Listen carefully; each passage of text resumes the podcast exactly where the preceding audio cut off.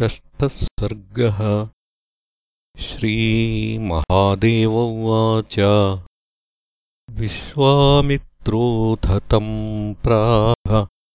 राघवम् सह लक्ष्मणम् गच्छामो वत्समिथिलाम् जनकेनाभिपालिताम्। दृष्ट्वा क्रतुवरम् पश्चादयोध्याम् गन्तुमर्हसि। इत्युक्त्वा प्रययौ गङ्गामुत्तर्तुम् सह राघवः। तस्मिन्काले नाविकेन निषिद्धो रघुनन्दनः नाविक उवाच। क्षालयामि तव पादपङ्कजम्। नाथ दारुदृषदोः किमन्तरम्? मानुषीकरणचूर्णमस्ति ते। पादयोरिति कथा प्रथीयसी पादाम्बुजम् ते विमलम् हि कृत्वा पश्चात्परम् तीरमहम् नयामि। नो चेत्तरी सद्युवतीमलेन स्याच्चेद्विभो विद्धि कुटुम्बहानि इत्युक्त्वा पादौ। परम् तीरम् ततो गताः। कौशिको रघुनाथेन सहितो मिथिलाम् ययौ विदेहस्य पुरम् प्रातर्षिवाटम् समाविशत्। प्राप्तम् कौशिकमाकर्ण्य जनकोऽतिमुदान्वितः पूजाद्रव्याणि सङ्गृह्य सोपाध्यायः समाययौ।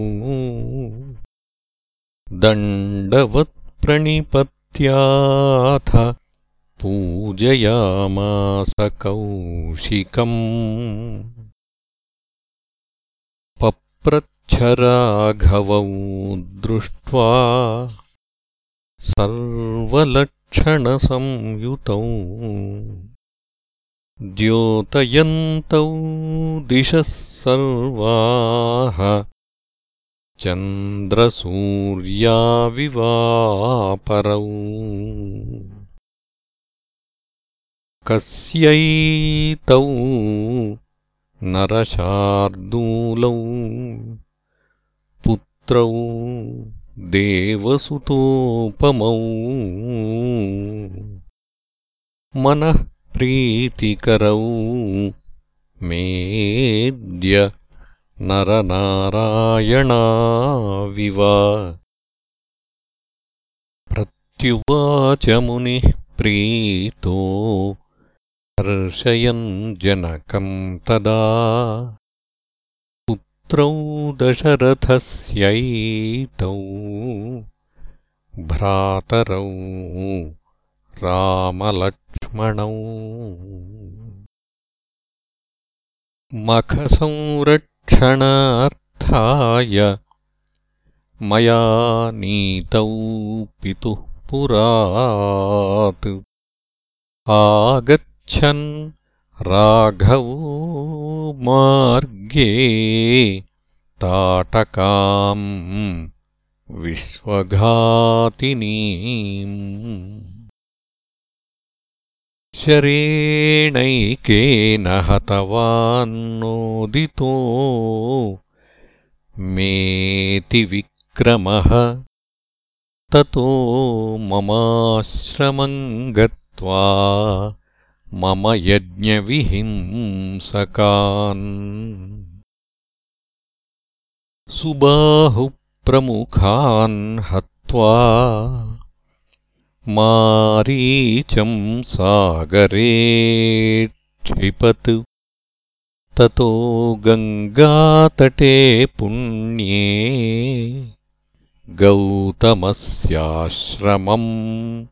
शुभम्। गत्वा तत्र शिलारूपा। गौतमस्य वधूः स्थिता। पादपङ्कजसंस्पर्शात् कृता मानुषरूपिणी। दृष्ट्वा हल्याम् नमस्कृत्य तया सम्यक् प्रपूजितः इदानीम् द्रष्टुकामस्ते गृहे माहेश्वरम् धनुः पूजितम् राजभिः सर्वैः दृष्टमित्यनुशुश्रुवे अतो दर्शय राजेन्द्र शैवम् चापमनुत्तमम्। दृष्ट्वायोध्याम् जिगमिषुः पितरम् द्रष्टुमिच्छति। इत्युक्तो मुनिना राजा पूजार्हाविति पूजया पूजयामास धर्मज्ञो विधिदृष्टेन कर्मणा। ततः सम्प्रेषयामास मन्त्रिणम् बुद्धिमत्तरम्। शीघ्रमानय विश्वेशचापम् रामाय दर्शय ततो गते मन्त्रिवरे राजा कौशिकमब्रवीत्। यदि रामो धनुर्धृत्वा कोट्यामारोपयेद्गुणम् तदा मयात्मजा सीता दीयते राघवाय हि। तथेति कौशिकोऽप्याह। रामम् संवीक्ष्य सस्मितम् शीघ्रम् दर्शय चापाग्र्यम्। रामायामिततेजसे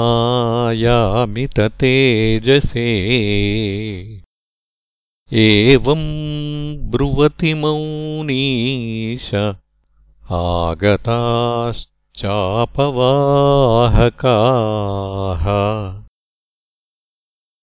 चापम् गृहीत्वा बलिनः पञ्चसाहस्रसङ्ख्यकाः घण्टाशतसमायुक्तम् मणिवज्रादिभूषितम्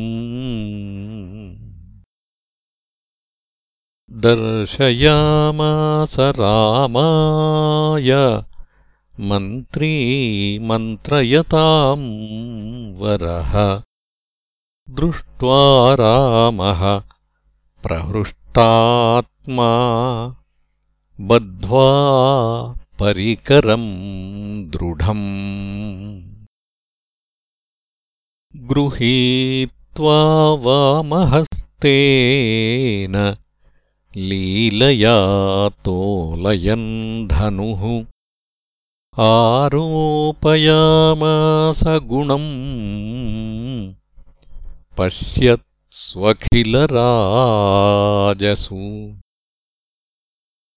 ईषदाकर्षयामास पाणिना दक्षिणेन सह बभञ्जाखिलहृत्सारो। दिशशब्देन पूरयन्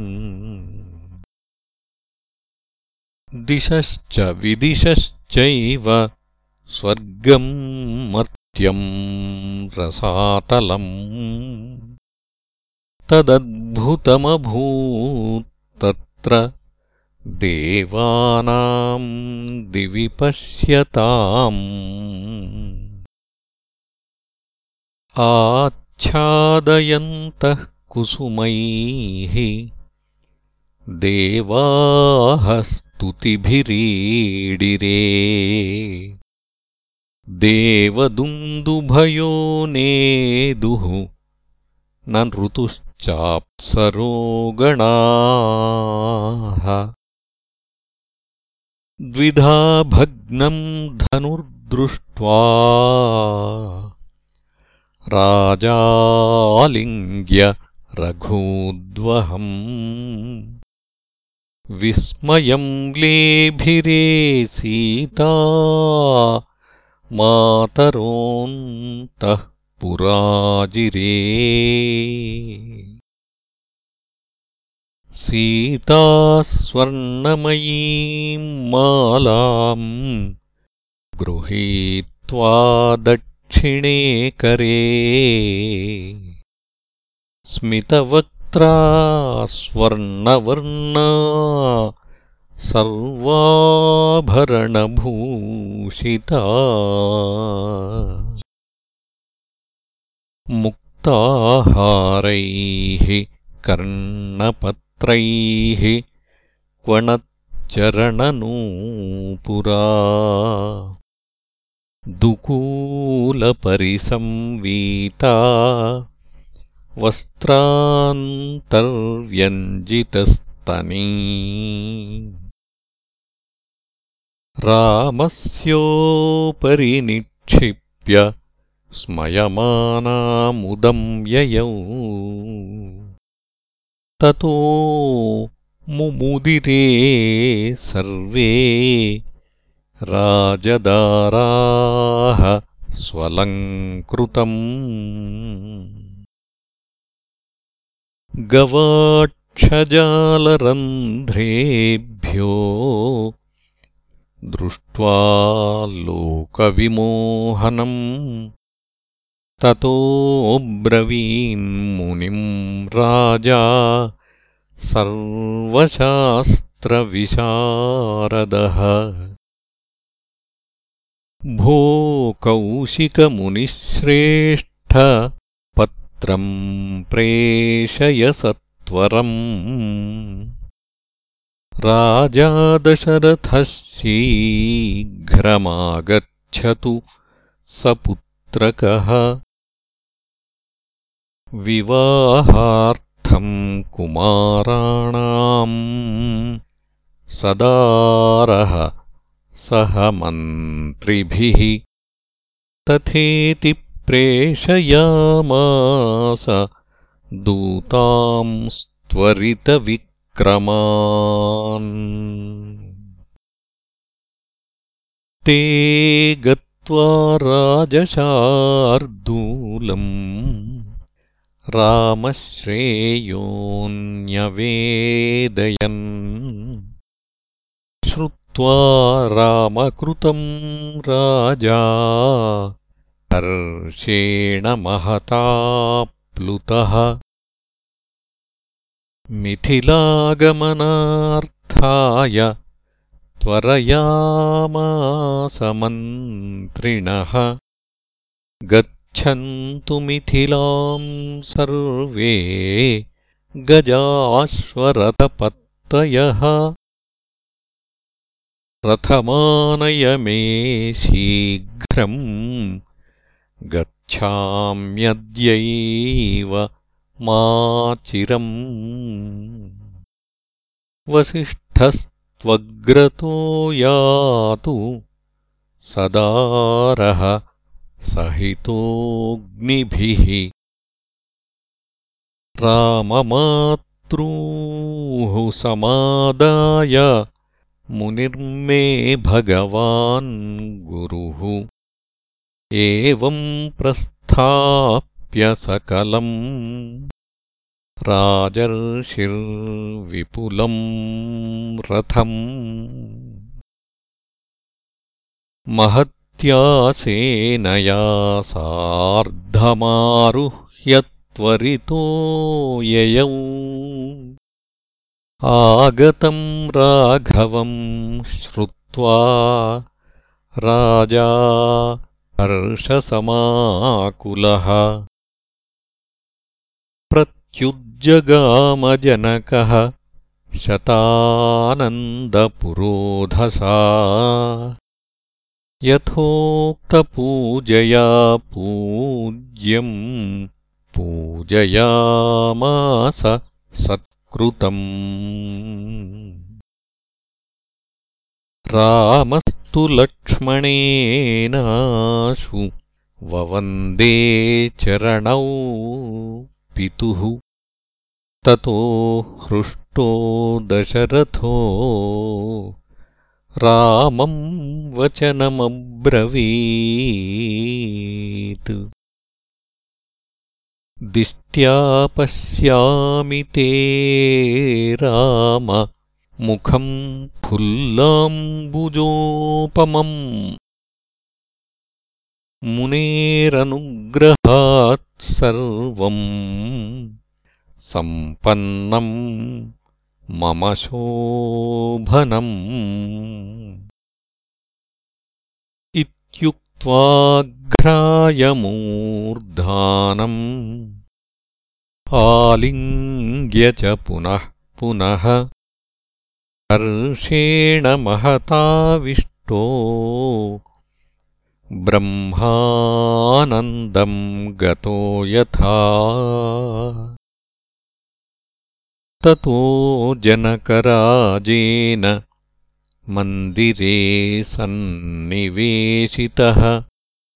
शोभने सर्वभोगाढ्ये। सदारः ससुतः सुखी। ततः शुभे दिने लग्ने सुमुहूर्ते रघूत्तमम्। आनयामासधर्मज्ञो रामम् सभ्रातृकम् तदा रत्नस्तम्भसुविस्तारे सुविताने सुतोरणे। मण्डपे सर्वशोभाढ्ये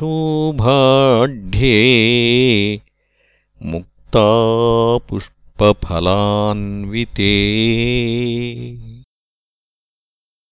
वेदविद्भिः सुसम्बाधे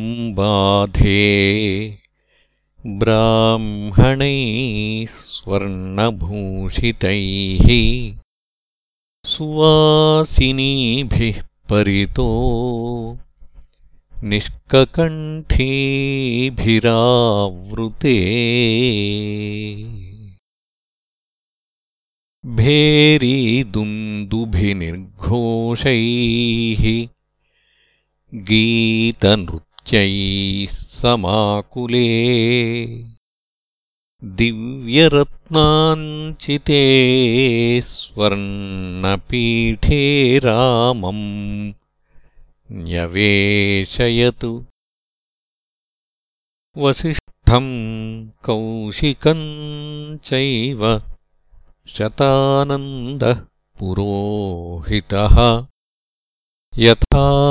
यथाक्रमम् पूजयित्वा रामस्योभयपार्श्वयोः स्थापयित्वा स तत्राग्निम् ज्वालयित्वा यथाविधि सीतामानीयशोभाढ्याम् नानारत्नविभूषिताम्। स भार्यो जनकः प्रायाद्रामम् राजीवलोचनम्। पादौ प्रक्षाल्यविधिवत्तदपो मूर्ध्न्यधारयतु।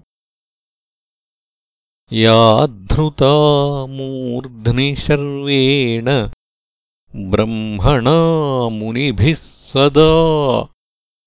ततः सीताम् करे धृत्वा साक्षतोदकपूर्वकम्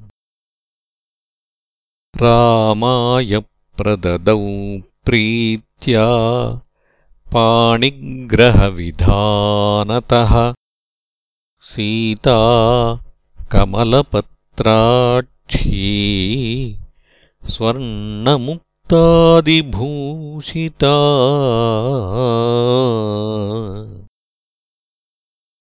दीयते मे सुता तुभ्यम् प्रीतो भवरघूत्तमा। इति प्रीतेन मनसा। सीताम् रामकरेऽर्पयन्। मुमोदजनको लक्ष्मीम् क्षीराब्धिरिव विष्णवे ऊर्मिलाञ्चौरसीम् कन्याम् लक्ष्मणाय ददौ मुदा। तथैव श्रुतकीर्तिम् च माण्डवीम् भ्रातृकन्यके भरताय ददावेकाम् शत्रुघ्नायापराम् ददौ। चत्वारोदारसम्पन्ना भ्रातरः शुभलक्षणाः विरेजुः प्रभया सर्वे। लोकपाला परे ततोऽब्रवीद्वसिष्ठाय विश्वामित्राय मैथिलः जनकः स्वसुतोदन्तम् नारदेनाभिभाषितम् यज्ञभूमिविशुद्ध्यर्थम् कर्षतो लाङ्गलेन मे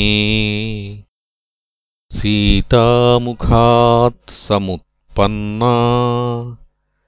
कन्यका शुभलक्षणा।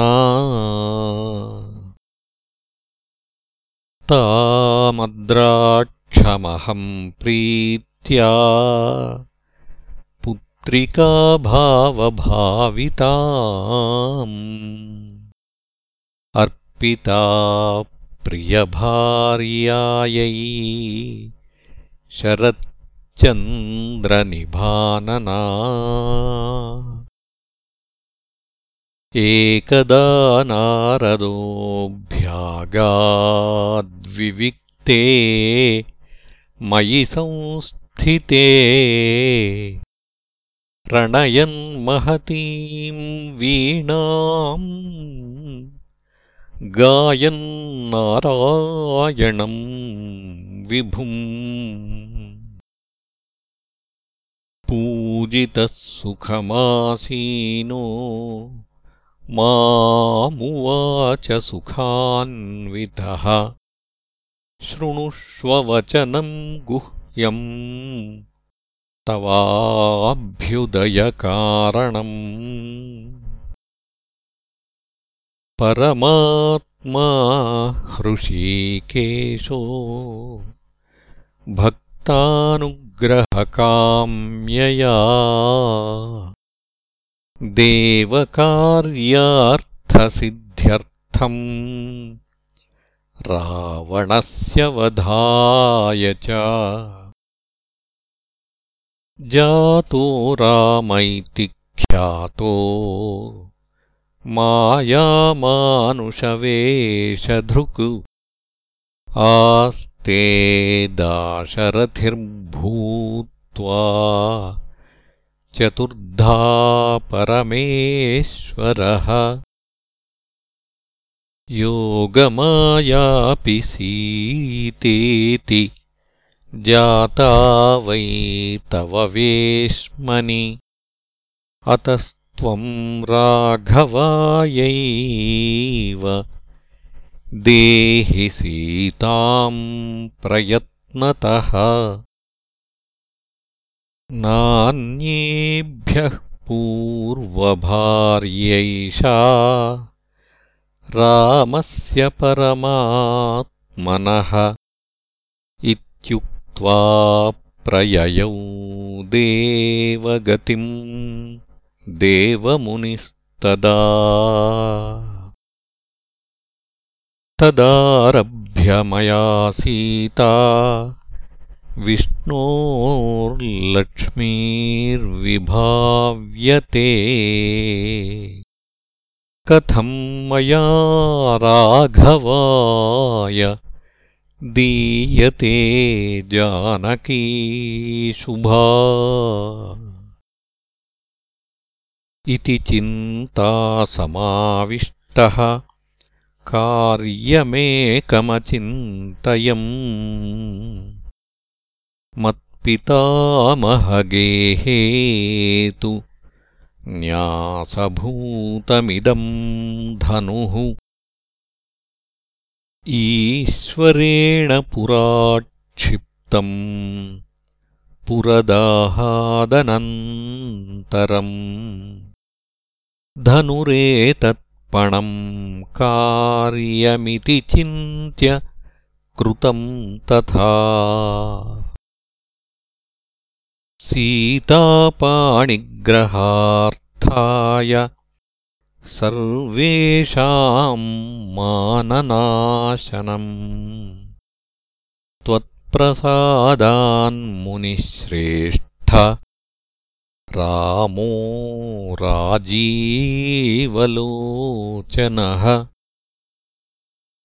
आगतोऽत्र धनुर्द्रष्टुम् फलितो मे मनोरथः। अद्य मे सफलम् जन्म रामत्वाम् सहसीतया एकासनस्थम् पश्यामि।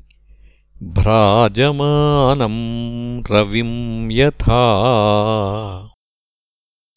पादाम्बुधरो ब्रह्मा। सृष्टिचक्रप्रवर्तकः। बलिस्त्वत्पादसलिलम् धृत्वा भूद्दिविजाधिपः। त्वत्पादपां सुसंस्पर्शादहल्या भर् तृषापतः सद्य एव विनिर्मुक्ता कोऽन्यस्त्वत्तोऽधिरक्षिता यत्पादपङ्कजपरागसुरागयोगिवृन्दैर्जितम् भवभयम् जितकालचक्र यन्नामकीर्तनपराजितदुःखशोका देवास्तमेव शरणम् सततं प्रपद्ये। इति स्तुत्वा नृपः प्रादाद्राघवाय महात्मने। दीनाराणाम् कोटिशतम् रथानामयुतम् तदा अश्वानाम् नियुतम् प्रादात् गजानाम् षट्शतम् तथा। पत्तीनाम् लक्षमेकन्तु दासीनाम् त्रिशतम् ददौ। दिव्याम्बराणि हारांश्च मुक्तारत्नमयोज्ज्वलान् सीतायै जनकः प्रादात्। प्रीत्या दुहितृवत्सलः। वसिष्ठादीन् सुसम्पूज्य भरतम् लक्ष्मणम् तथा पूजयित्वा यथा न्यायम् तथा दशरथम् नृपम्। प्रस्थापयामास नृपो राजानम् रघुसत्तमम्। सीतामालिङ्ग्यरुदतीम् मातरः साश्रुलोचनाः। श्वश्रूशुश्रूषणपरा नित्यम् राममनुव्रता। पातिव्रत्यमुपालम्ब्य तिष्ठवत्से यथा सुखम् प्रयाणकाले रघुनन्दनस्य भेरीमृदङ्गानकतूर्यघोषः स्वर्वासि भेरीघनतूर्यशब्दैः सम्मूर्च्छितो भूतभयङ्करोऽभूत् इति श्रीमदध्यात्मरामायणे उमामहेश्वरसंवादे बालकाण्डे षष्ठः सर्गः